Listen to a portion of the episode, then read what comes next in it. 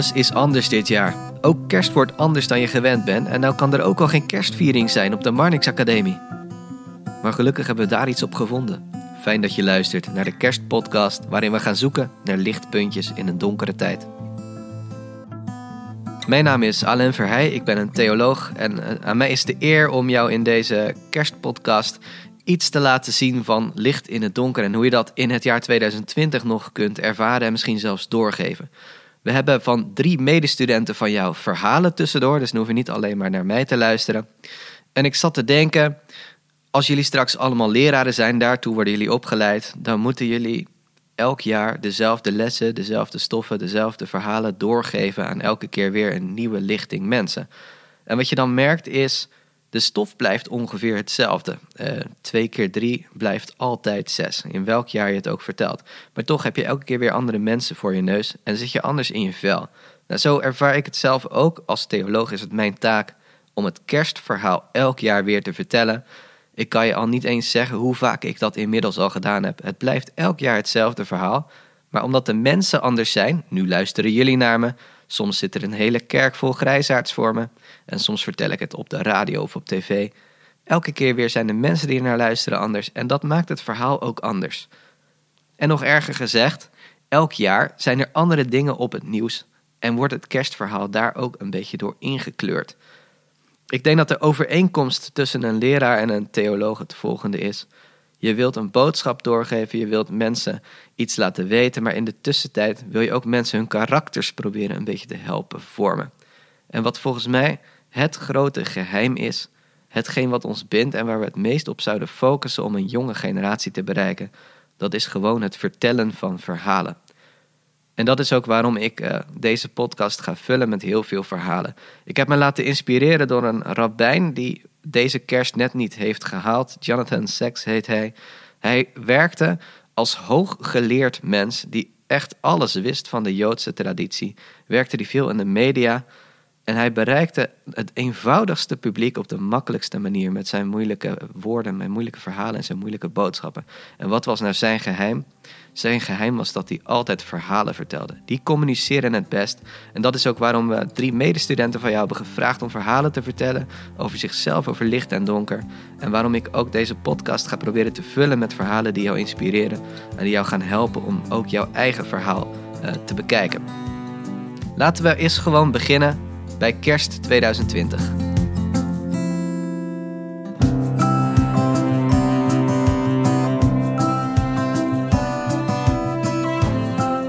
Het is een beetje een cliché om te zeggen kerst gaat over licht in het donker. Dat hebben we elk jaar al gevierd tot nu toe en je hebt al heel wat kerst achter de rug en dan hang je lampjes op, de winkelstraten zijn fel verlicht, je steekt thuis kaarsjes aan en het is ontzettend gezellig. Maar dat cliché wordt op dit moment in dit jaar een beetje anders. Kerst is dit jaar misschien eigenlijk helemaal niet zo gezellig. Ik zelf weet niet of ik mijn oma ga kunnen zien. Ik weet niet eens of ik mijn moeder durf op te zoeken dit jaar. Uh, ik heb meer donker gezien dit jaar en jullie waarschijnlijk ook. Ik heb meer angst gekend dan anders. En er is nog iets bijzonders aan dit jaar, iets dat ik eigenlijk ook wel een beetje hoopvol vind. Als we het nu hebben over licht in het donker, denken we met z'n allen in eerste instantie allemaal aan hetzelfde donker. We denken aan een nationale, zelfs een internationale crisis, waarvan we hopen dat die snel over zal gaan.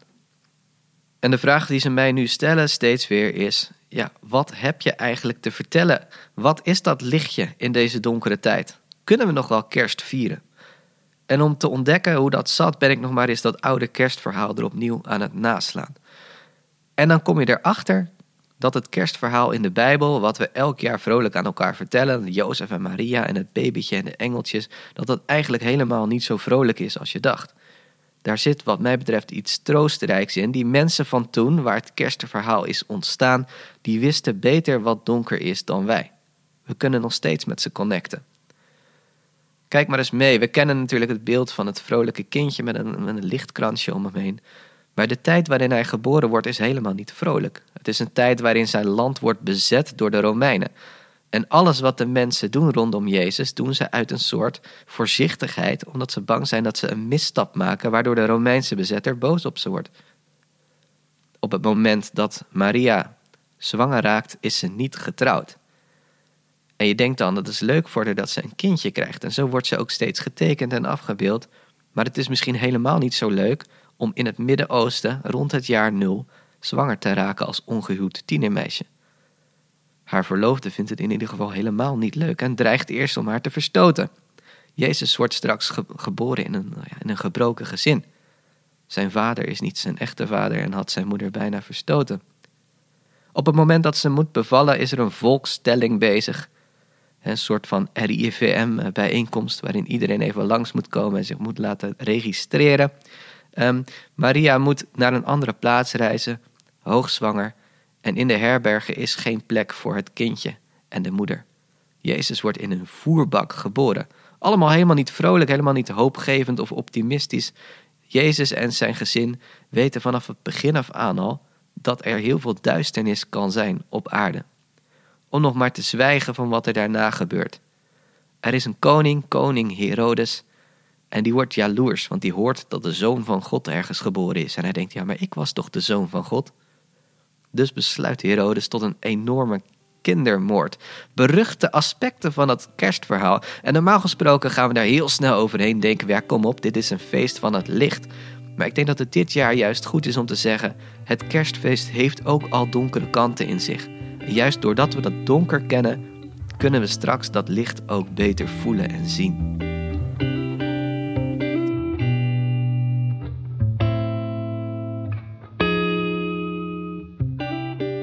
Ik ben Stan en ik zit in het derde jaar van de PABO. Uh, nou ja, was voor mij, weet je, als jonge student, vooral afgelopen paar maanden, best wel moeilijke tijd. Ik ben jong, weet je, ik wil graag feesten en ik heb een ongelofelijke behoefte aan sociaal contact. En in het begin had ik het best wel moeilijk.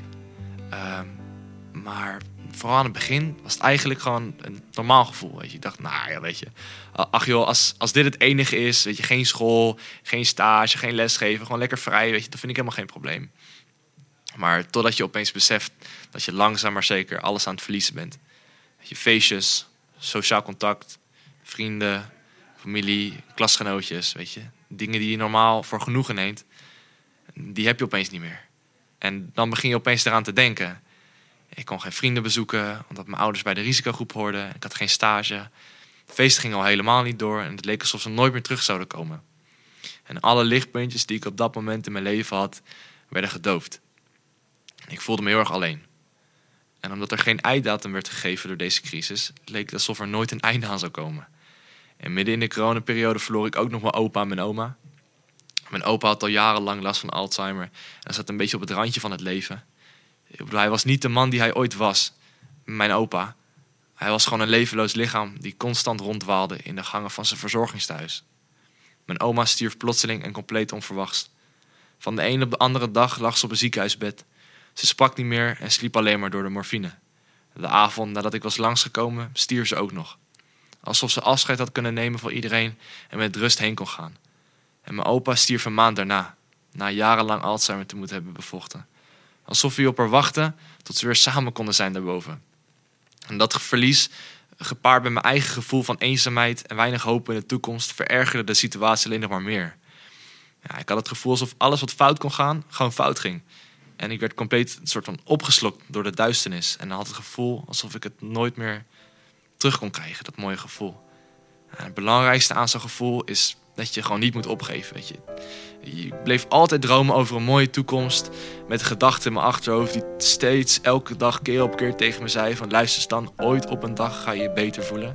Want als het slecht gaat, dan kan het alleen nog maar beter worden.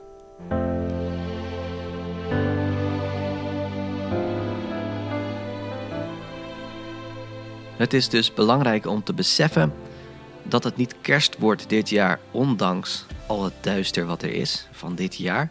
Het wordt kerst omdat het duister is en dat lichtpuntje heel hard nodig is. Volgens het kerstverhaal kwam er midden in die winternacht een grote ster ineens. Er is extra groot licht nodig als het extra donker is. Ik sprak vorige maand met een Noorse bisschop. Ik moest hem interviewen, maar ik zat zelf ook eigenlijk met die vraag. Ik vroeg aan hem: hoe gaan we nou in hemelsnaam het kerstfeest toch een feest laten zijn? En toen zei hij: dat kan alleen als je beseft dat kerst al die tijd juist over een situatie ging zoals deze. Kerst draait er juist om dat je beseft dat het donker is en dat je dat licht dus nodig hebt. En daar moet je aan leren wennen. En zei hij, en daar kom ik straks nog op terug. Kerst gaat ook over het licht dat jou komt opzoeken in de duisternis, in de quarantaine, zo je wilt, waarin je nu zit. Goed, hij is al vier jaar dood, maar de Joodse zanger Leonard Cohen heeft de beroemde uitspraak gedicht: There is a crack in everything, that's how the light gets in. Kijk, dat is een vorm van omdenken die juist met kerst heel hard nodig is. Um, je denkt dat die litteken je gezicht lelijker maakt. Je denkt dat uh, de kras in je biografie en je rugzakje jouw leven zwaarder maken. Maar soms kunnen die juist ook een manier zijn voor het licht om in je leven naar binnen te gaan. Soms kunnen ze je op paden brengen waar je nooit was gekomen zonder die pijn. En om dat wat meer uit te leggen, heeft die uh, rabbijn Jonathan Sachs heeft een verhaal verteld dat een alternatief scheppingsverhaal is.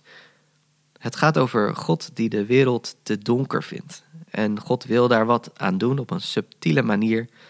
En God denkt: ik ga mijn goddelijke licht verstoppen op aarde. als een soort van uh, kerstcadeautje, zullen we maar zeggen. En hopelijk vinden de mensen mijn licht en gaan ze er iets mee doen. Dus God pakt een aantal stenen vaten, stopt daar zijn goddelijk licht in en verstopt dat overal op aarde. Maar nog voordat het uh, verstoppertje spelen kan beginnen, is dat licht te sterk voor die vaten. Dus die vaten die barsten en door die krassen in de vaten springt het licht naar buiten, zo de wereld in. En zo zijn er overal stukjes licht te vinden op een donkere wereld. En aan ons is de heilige taak om te proberen die stukjes licht te vinden. Nou, om te kijken hoe je dat nou moet doen, kun je het beste kijken naar mensen die echt weten wat het donker is. En zo is het een bekend verhaal. Uh, Viktor Frankl die belandde in meerdere kampen als Joodse psychiater tijdens de Tweede Wereldoorlog. En Viktor Frankl die was al heel erg geleerd voordat hij door de Duitsers werd gedeporteerd. Hij had zelfs al een boek geschreven over psychotherapie. En dat boek had hij optimistisch onder zijn arm toen hij in het kamp werd binnengeleid. Hij stopte het in zijn jaszak en hij dacht: misschien heb ik s'avonds nog tijd om dat uh, boek af te maken hier. Dat was natuurlijk hopeloos naïef, want op dag 1 was hij zijn jas al kwijt en daarmee ook zijn boek. En zijn vrouw overigens, die hij nooit meer terug kon zien. En hij zat daar in die kampen en hij dacht na en hij vroeg zich af hoe hij hoop zou kunnen vinden in deze donkere tijd. Waar is dat straaltje goddelijk licht? En toen heeft hij de geniale gedachte gehad: Ik ben psychiater en ik ben hier midden in een psychiatrisch experiment beland. Ik zit in een kamp waar je bewakers hebt en gevangenen. En als je ergens iets kunt leren over hoe de menselijke psyche werkt, dan is het hier. Dit is de beste leerschool die je kan hebben. En al die tijd is Viktor Frankl op de been gebleven, omdat hij deze ene gedachte had.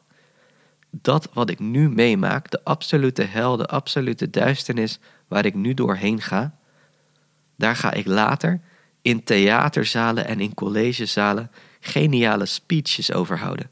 En daar ga ik boeken over schrijven en dan word ik de beroemdste psychiater ter wereld.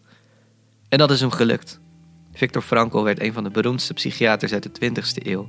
Hij schreef boeken over de zin van het leven. En dit was volgens hem hoe hij op het donkerste moment van de geschiedenis toch nog een stukje licht heeft weten te vinden.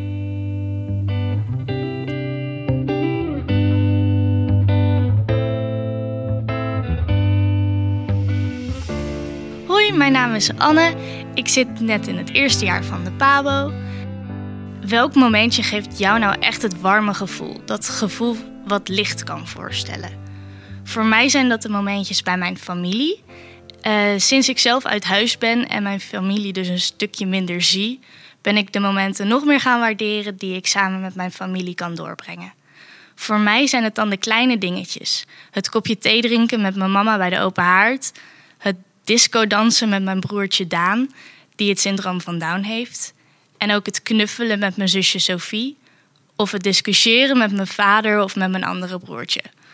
Want wat we ook tegen elkaar zeggen, we blijven toch wel van elkaar houden. En dat idee geeft mij een fijn gevoel.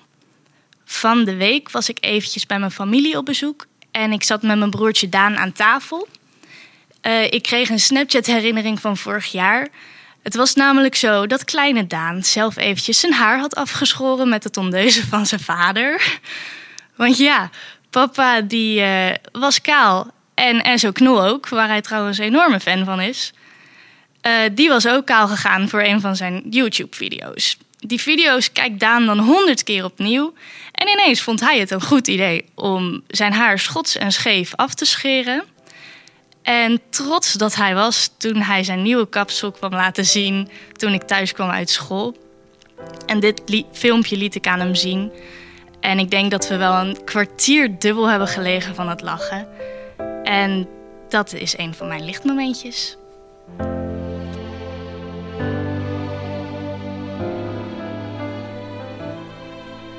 En de kunst van het licht vinden in een donkere wereld, die je ook wel de kerstkunst zou kunnen noemen, die vind je het beste bij Dr. Goodman. En die doet zijn naam werkelijk eer aan. Uh, het verhaal wat ik je nu ga vertellen klinkt als een sprookje. Um, en is eigenlijk ook wel een sprookje, maar het is ook waar gebeurd. Je kunt het opzoeken.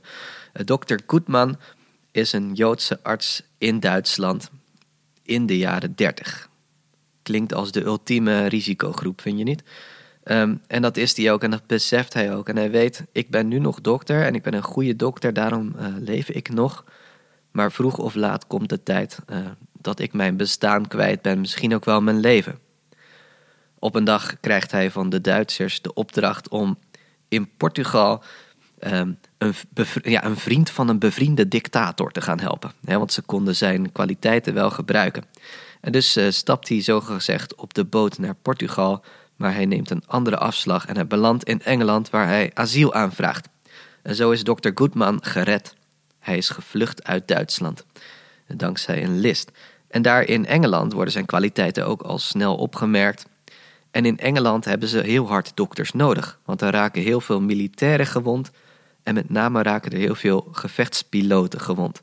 Die worden geraakt door een uh, vijandelijk vliegtuig en hebben geluk dat ze het hebben overleefd, maar zijn heel vaak verlamd en belanden allemaal in een militair ziekenhuis voor verlamde militairen. Um, ehm, Dr. Goodman wordt hoofd van zo'n afdeling en hij loopt elke dag tussen de kermende, verlamde en eerlijk gezegd afgeschreven jonge mannen. In onze maatschappij wordt dit jaar wel eens gesproken over doorhoud over mensen die nog wel leven, maar misschien niet lang meer en in ieder geval niets meer waard zijn. Nou, deze jonge mannen werden gezien als doorhoud, want ze konden niets meer, omdat ze in de, strijd te hard gewond waren geraakt. Dat is het absolute duister. Maar Dr. Goodman was getraind om overal lichtpuntjes te zien. Als Jood in Duitsland zag hij een lichtpuntje en vluchtte hij naar Engeland. En als Joodse arts weigerde hij om alleen maar duister te zien bij die gewonde soldaten. Hij zag nog lichtpuntjes. En de manier waarop hij dat lichtpuntje ging laten zien en aan het licht bracht, zo, zo gezegd, is heel speels, heel brutaal en heel creatief. Op een dag gaat dokter Goodman met een bal naar de ziekenzaal. Hij loopt een beetje met die bal te stuiteren. En op een gegeven moment Plotseling gooit hij die bal tegen zo'n patiënt aan. Die man ligt daar al hulpeloos te kermen van de pijn en krijgt nu ook nog eens een bal tegen zich aan. Harteloze dokter. Maar hij pakt de bal op en smijt hem tegen een andere patiënt aan. En zo gaat hij de hele zaal af. Het is een enorm sadistische actie, maar de volgende dag herhaalt hij het toch. En de volgende dag herhaalt hij het weer, maar op dat moment denken die soldaten ook: ja, ga toch weg, dokter Goodman. Ik weer die bal af. En een groot deel van de patiënten lukt het na een paar dagen om de bal af te weren. Na een paar dagen vangen ze hem. Na nog een paar dagen gooien ze de bal terug tegen dokter Goodman aan. En dat was natuurlijk precies de bedoeling. Op een dag denkt dokter Goodman: laten we hier een sport van maken. Hij laat ze naar elkaar overgooien. En om een lang verhaal kort te maken, aan het eind van de rit zie je dat die gewonde soldaten, die totaal waren afgeschreven in wie niemand nog toekomst zag, een rolstoel-handbal-match spelen. Natuurlijk eindigt dit mierzoet, maar echt prachtig en inspirerend met een wedstrijd tussen de soldaten en het verplegend personeel. Iedereen in een rolstoel. En natuurlijk winnen die soldaten. En dit is de geboorte geweest van de Paralympische Spelen. En dat komt omdat Dr. Goodman, waar iedereen alleen maar duister zag, waar iedereen alleen maar het einde van de wereld zag, hij zag er lichtpuntje, hij zag er toekomst. Hij zag geen afgeschreven risicogroep. Hij zag mensen met een eigen identiteit, met een eigen toekomst. En het licht wat hij in hen zag, wist hij aan de oppervlakte te brengen, waardoor ze gingen stralen. Mijn naam is Danique en ik zit in het derde jaar. Uh, nou, ik zou heel graag uh, licht willen brengen aan mijn zus Louise. Zij is inmiddels um, ongeveer 22 weken zwanger. En uh, ik merk aan haar dat ze het wel lastig vindt om zwanger te zijn in coronatijd. Ze vindt het spannend. Wat zou het kunnen doen met de baby als ze corona krijgt? Ze staat zelf ook voor de klas. Dus ze zit eigenlijk continu in de stress of zij ja, corona zou krijgen, of ze extra vatbaar is, wat er met haar kindje zou kunnen gebeuren. En daarvoor zou ik haar eigenlijk graag licht en vertrouwen willen brengen. En um, zij. Um, uh, ik zou haar graag licht en vertrouwen willen brengen. Om ervoor te zorgen dat ze die zwangerschap minder gestrest doorkomt. Omdat ze zelf ook heel graag juist rustiger wil zijn voor de baby zelf. En um, ze um, is uitgerekend in april. En ik hoop eigenlijk vooral heel erg dat het dan alweer wat rustiger is. Dat ze dan um, rustiger de kraamtijd door kan komen. En dat ze dan veel meer kan genieten van haar kindje dan wat ze nu eigenlijk uh, ja, doet met de zwangerschap. Omdat ze daar veel stress in ervaart.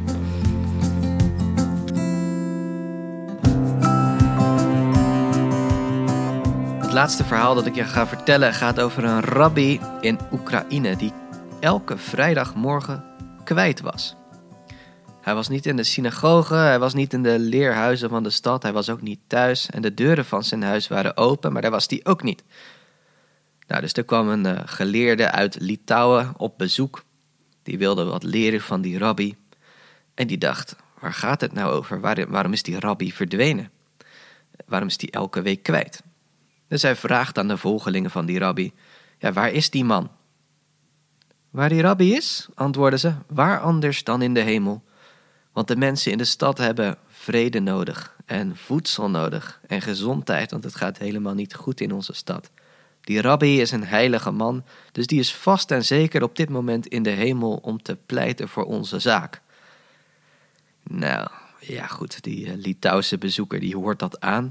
Die hoort die volgelingen met droge ogen zeggen dat hun leraar in de hemel is elke week. Hij lacht zich rot. En hij denkt, ik ga zelf maar even op onderzoek uit. Nou, hij weet elke vrijdagmorgen is die rabbi kwijt.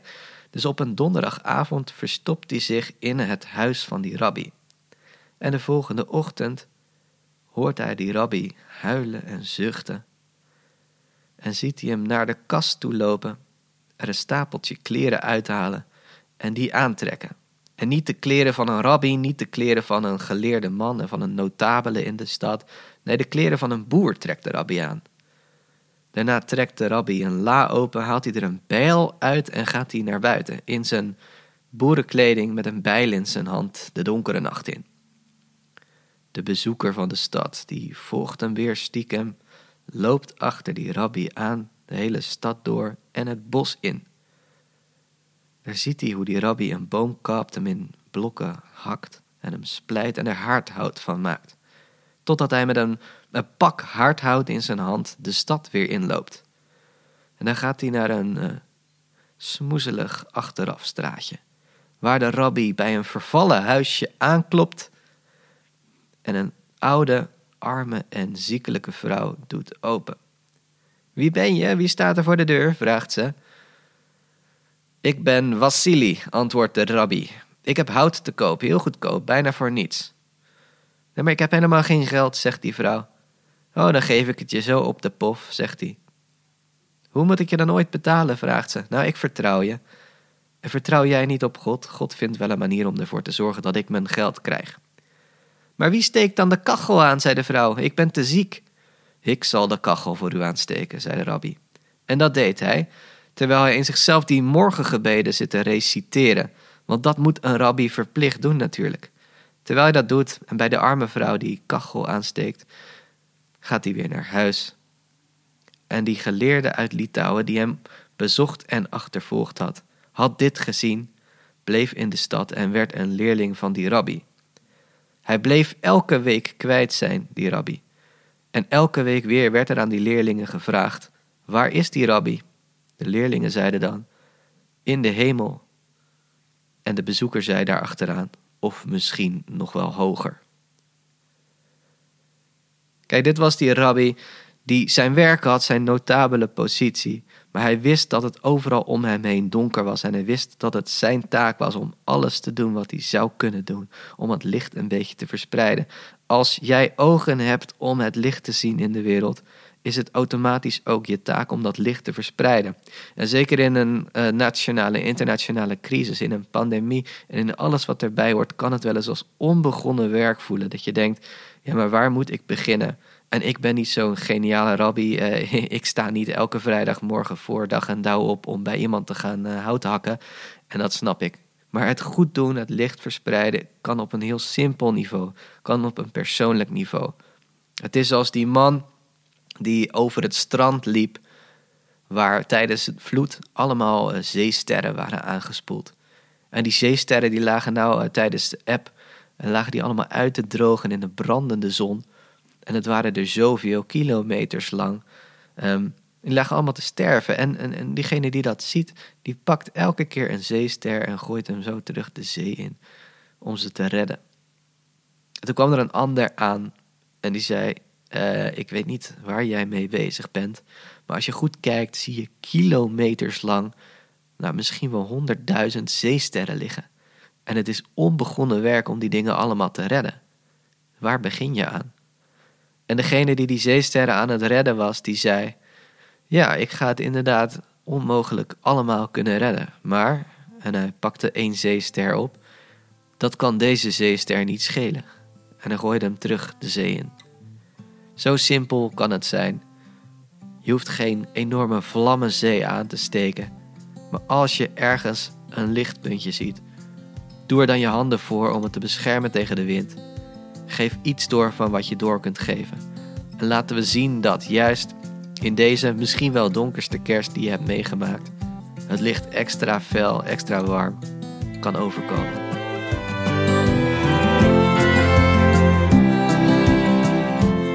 Ik wens je een heel goede kerst waar je ook zit. Ik hoop dat je zo speels kunt zijn als Dr. Goodman. Ik hoop dat je zo hoopvol kunt zijn als diegene die al die zeesterren in de zee teruggooide. Ik hoop dat je zo dapper en stug kunt zijn als die rabbi die elke week uh, mensen ging helpen in zijn dorp. Heb een beetje van die moed, van die hoop, geloof en liefde.